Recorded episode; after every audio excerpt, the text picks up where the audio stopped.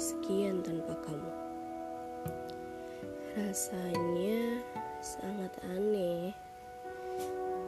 Kayak ada yang hilang dari hari-hariku biasanya. Meski aku gak pernah mengerti kenapa sebabnya, tapi aku harus selalu bersyukur. Aku bersyukur kepada apa pun yang sudah terjadi kepada diriku dan hidupku saat ini.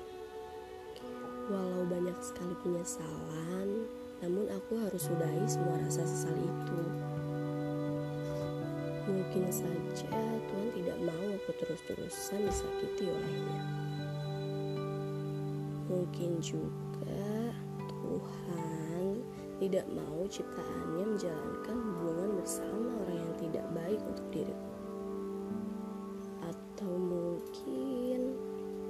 Tuhan memisahkan kita karena Tuhan tahu salah satu di antara kita ada hati yang memang sama sekali tidak cinta.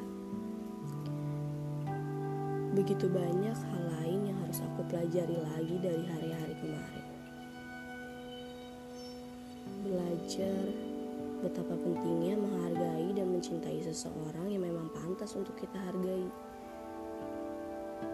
Untuk aku, jika kemarin terlalu banyak hal yang menyakitkan, semoga ke depannya bisa mendapatkan kebahagiaan.